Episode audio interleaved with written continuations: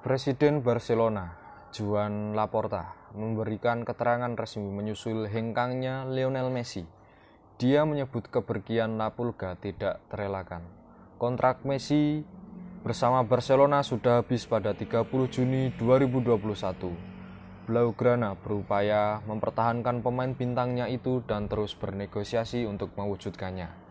Namun, asa Barcelona untuk mempertahankan Messi pupus setelah pihaknya terganjal aturan pembatasan gaji pemain yang ditetapkan La Liga.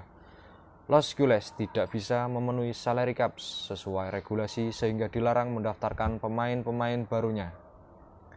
Seperti diketahui, Lionel Messi adalah pemain dengan gaji paling mahal di Barcelona. Dia mendapat kontrak senilai 500 juta euro ketika menekan kesepakatan berdurasi 4 tahun pada 2017. Barcelona sendiri saat ini juga dihantam masalah finansial akibat kurangnya pemasukan di tengah pandemi COVID-19. Kondisi tersebut diperparah dengan utang klub yang mencapai hampir 1,2 miliar euro di tahun 2021. Jerat utang plus tidak seimbangnya neraca keuangan klub membuat Barcelona harus mengubur mimpi mempertahankan Messi Juan Laporta selaku presiden klub menyebut keputusan itu diambil demi menyelamatkan Los Jules.